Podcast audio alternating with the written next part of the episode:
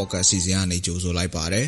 2023ခုနှစ်စက်တင်ဘာလ3ရက်ဒီနေ့ကျွန်တော်တင်ဆက်မယ့်အစီအစဉ်မှာတော့ပြည်သက်တွေစိတ်ဝင်စားပွဲမုံမြင့်တဲ့တဲ့ပြည်တွင်းသတင်းနဲ့အာဆီယံသတင်းသတင်းပေးပို့ချက်ပြည်သူတွေသိထားတဲ့နေ့စဉ်ကုန်စည်တော်သတင်းချို့တွေကိုအစီအစဉ်ပထမပိုင်းမှာရွေးချယ်တင်ပြပေးသွားမှာဖြစ်ပါတယ်။ဒါအပြင်2026မတိုင်ခင်အယက်သားအစိုးရပေါ်လာနိုင်တယ်ဆိုတဲ့သတင်းပေးပို့ချက်ကိုလည်းတင်ဆက်ပေးပါဦးမယ်။ ဘာဒီနေ့အစီအစဉ်မှုကတော့ကျွန်တော်အားကအတာဝန်ယူသွားမှာဖြစ်ပြီးကျွန်တော်နဲ့အတူနှုံတယ်ရသတင်းတွေကိုကူညီတင်ဆက်ပေးသွားမှာပါ။နားဆင်ကြတဲ့ပရိသတ်အလုံးမင်္ဂလာပါလို့နှုတ်ခွန်းဆက်တာပါရစေ။ကျမနွန်တဲ့ကကွာကားနဲ့အတူသတင်းတွေကိုကူညီဖတ်ကြားပေးသွားမှာဖြစ်ပါတယ်။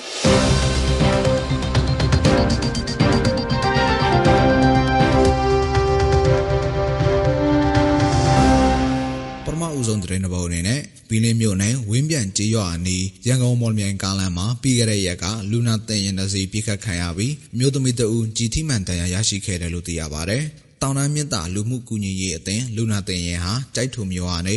မော်လမြိုင်ကိုလူနာပို့ဖို့ထွက်ခွာလာပြီးဝင်းမြန်ကျေးရွာအနီးအရောက်မှာလက်နက်ငယ်နဲ့ပြစ်ခတ်ခံခဲ့ရတာဖြစ်ပါတယ်။ပြစ်ခတ်ခံရမှုကြောင့်လူနာတင်ရင်ပေါ်လိုက်ပါလာတဲ့အသက်45နှစ်အရွယ်တော်ရွှေစင်ဆိုသူလူနာရဲ့ညာဘက်ပေါင်မှာဖောက်ဝင်တန်ရတစ်ချက် ဘယ်ချီတလုံးဖောက်ဝင်တန်ရာတစ်ချက်ရရှိခဲ့ပါတယ်။ကြည်ထိမှန်တန်ရာရရှိခဲ့တဲ့တော်ရွှေစင်ကိုတထုံခရိုင်ပြည်သူ့စီရဲကိုပို့ဆောင်ပေးခဲ့တယ်လို့လူမှုကူညီကယ်ဆယ်ရေးအဖွဲ့ကတာဝန်ရှိသူတွေကဆိုပါတယ်ခင်ဗျာ။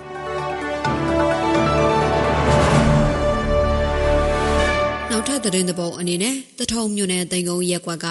အထကလေးကျောင်းဝင်းတွေကနေရှေ့ဟောင်အုတ်ခွဲဖျား၁၈စုသူ့ဖော်ရရှိခဲ့တယ်လို့ဒေသခံတွေကဆိုပါတယ်။တနစ်မနက်ပိုင်းအချိန်ကျောင်းဆောင်တင်ဆောက်ဖို့မြေတူးရကနေအဲ့ဒီအုတ်ခွဲဖျားတွေကိုသူ့ဖော်ရရှိခဲ့တယ်လို့ဆိုပါတယ်။အခုတော့အုတ်ခွဲဖျားတွေကိုအထကလေးကျောင်းဖျားကနေမှာအပူစောခံထားရရှိတယ်လို့သိရပါတယ်။ အရင်တုန်းကလည်းတထုံမြို့ထဲမှာအုတ်ခွက်ဖျားတွေ၄ချိန်အထိတူးဖော်ရရှိခဲ့ပြီးအချို့အကြိမ်တွေမှာဆိုရင်အုတ်ခွက်ဖျားအဆူရည်ထောင်ကျော်အထိရရှိခဲ့ပူတယ်လို့သိရပါတယ်ရှင်။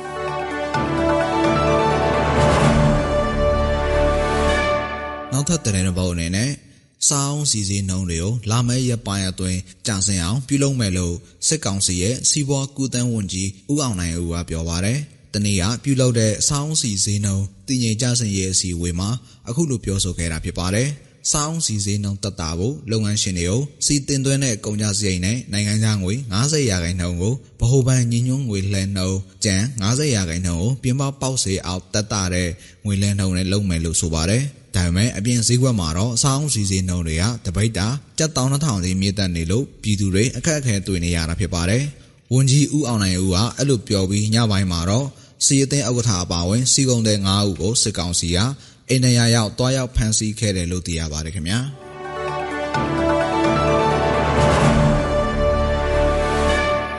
သတင်းသဘောအနေနဲ့အာရှလမ်းမကြီးလမ်းပိုင်းမှာအသစ်ဆောက်ထားတဲ့ရည်ရည်ဘေလီတရားဟာအနေငယ်ကြီးနေတာကြောင့်အဲ့ဒီအာရှလမ်းမကြီးမှာကားရရာနဲ့ချီဆက်လက်ပိတ်မိနေတယ်လို့သိရပါဗျ။ရေတိုက်စာမြေပြိုမှုကြောင့်ကြိုကျသွားခဲ့တဲ့အတွက်စစ်ကောင်စီကပြီးခဲ့တဲ့ရက်ပိုင်းမှာရည်ရည်ဘေလီတရားကဆောက်လုပ်ခဲ့တာဖြစ်ပါတယ်။ ဒါပေမဲ့တရားကကျင်းတာကြောင့်ကားတစ်စီးပြီးတစ်စီးဖြတ်လို့ရတဲ့အနေအထားဖြစ်ပြီးအစင်လန်ရောအသက်လန်မှာကားတွေပိတ်မိနေပါတယ်။တာဝန်ရှိသူတွေကတော့အစင်က10 15စီအသက်က10 15စီအတုပ်လိုက်ခွဲပြီးတရားပေါ်ကနေဖြတ်တန်းခွဲပြုနေပေမဲ့ကားတွေရာနဲ့ချီပိတ်မိနေတုံးပဲလို့သိရပါတယ်။ဒါကြောင့်အချို့ကားတွေအနေနဲ့အာရှလမ်းမကြီးပေါ်မှာပဲညအိပ်ရနာရဖို့ရှိနေတယ်လို့သိရပါတယ်ရှင်။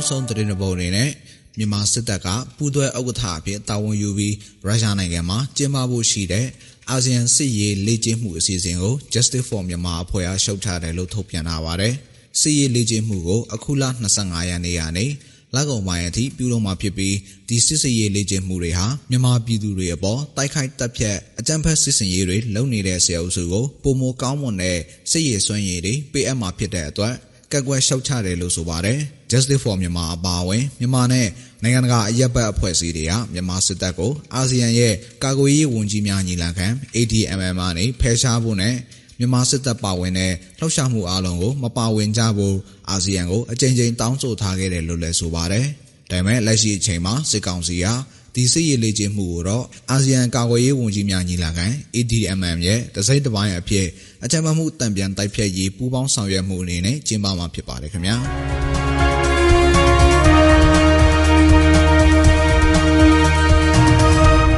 ဆလာဘီပြပြည်သူတွေသိထားတဲ့နေ့စဉ်ကုန်စည်နှုန်းသတင်းချုပ်တွေကိုမော်လမြိုင်ကုန်စည်တိုင်းကအချက်လက်တွေကိုအခြေခံပြီးကျမနွန်တဲ့ကတင်ဆက်ပေးပါဦးမယ်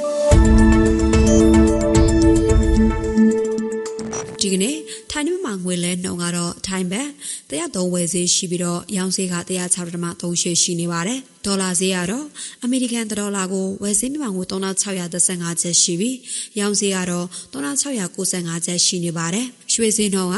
မီလ16ပဲရေတစ်ချက်သားကိုအပြင်ပေါက်ဈေး38သိန်းဝန်းကျင်မှာရှိနေပါတယ်။စက်သုံးစီတွေကတော့ဒီဇယ်တလီတာကို2535ကျပ်အောက်တိန်92တလီတာကို2260ကျပ်နဲ့65တလီတာကို2380ကျပ်အထိရှိနေပါတယ်ရှင်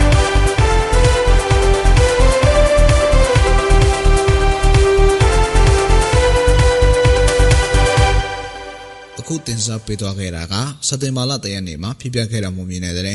ပြည်တွင်းသတင်းနဲ့အာဆီယံသတင်းတွေအပြင်တနေ့တာစီစဉ်ငွေစင်းနဲ့ကုန်စည်နှုန်းတွေကိုတင်ဆက်ပေးသွားခဲ့တာဖြစ်ပါတယ်။ဆက်လက်ပြီးတော့2026မှာတိုင်ခင်အယက်တာအစိုးရပေါ်လာနိုင်တဲ့ဆိုတဲ့သတင်းပေးပို့ချက်ကိုနဒီရတင်ဆက်ပေးပါဦးမယ်။2026မတိုင်မီအယက်သားအစိုးရတရားပေါ်ပေါက်လာနိုင်တယ်လို့မိုးညညိုရေးပါသည့် UNB မှ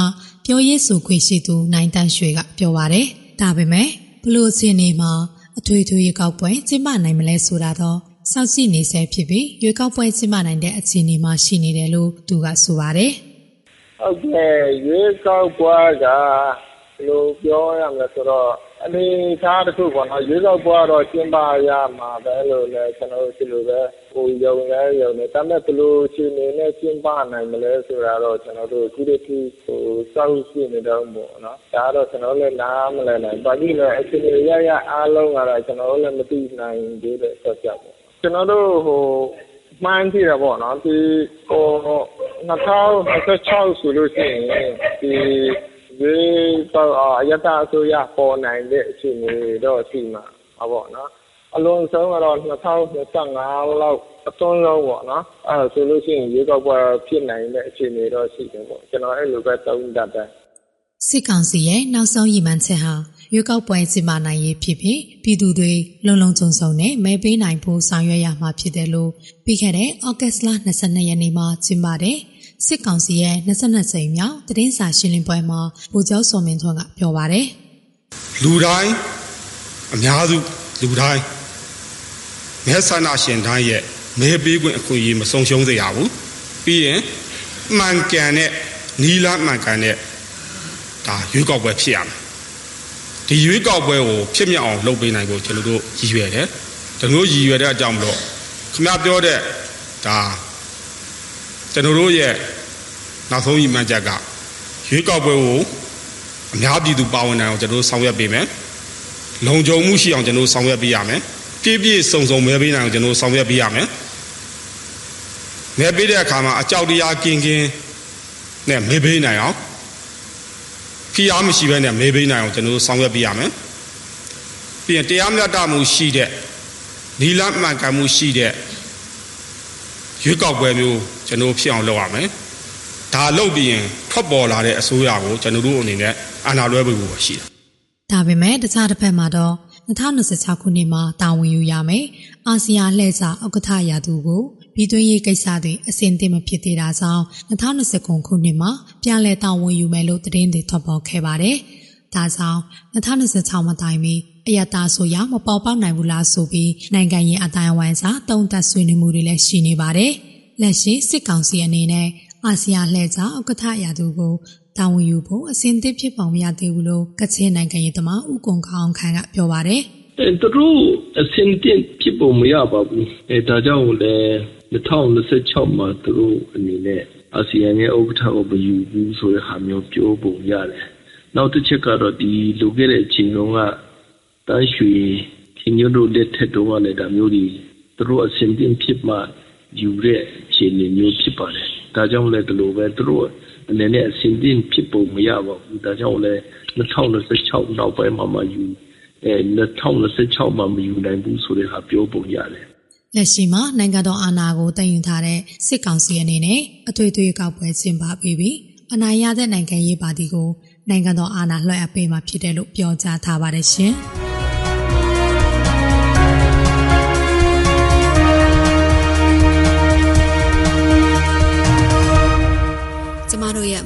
ပေါ့ကတ်အစီအစဉ်ဒီမှာတင်ပြီးဆုံးပါပြီ။နားဆင်နေကြတဲ့ပရိသတ်အားလုံးကိုနောက်နေ့အစီအစဉ်တွေမှာဆက်လက်အားပေးကြပါအောင်လို့ဖိတ်ခေါ်ရင်းအစီအစဉ်ကိုဒီမှာပဲအဆုံးသတ်ပါရစေ။အားလုံးကိုကျေးဇူးတင်ပါတယ်ရှင်။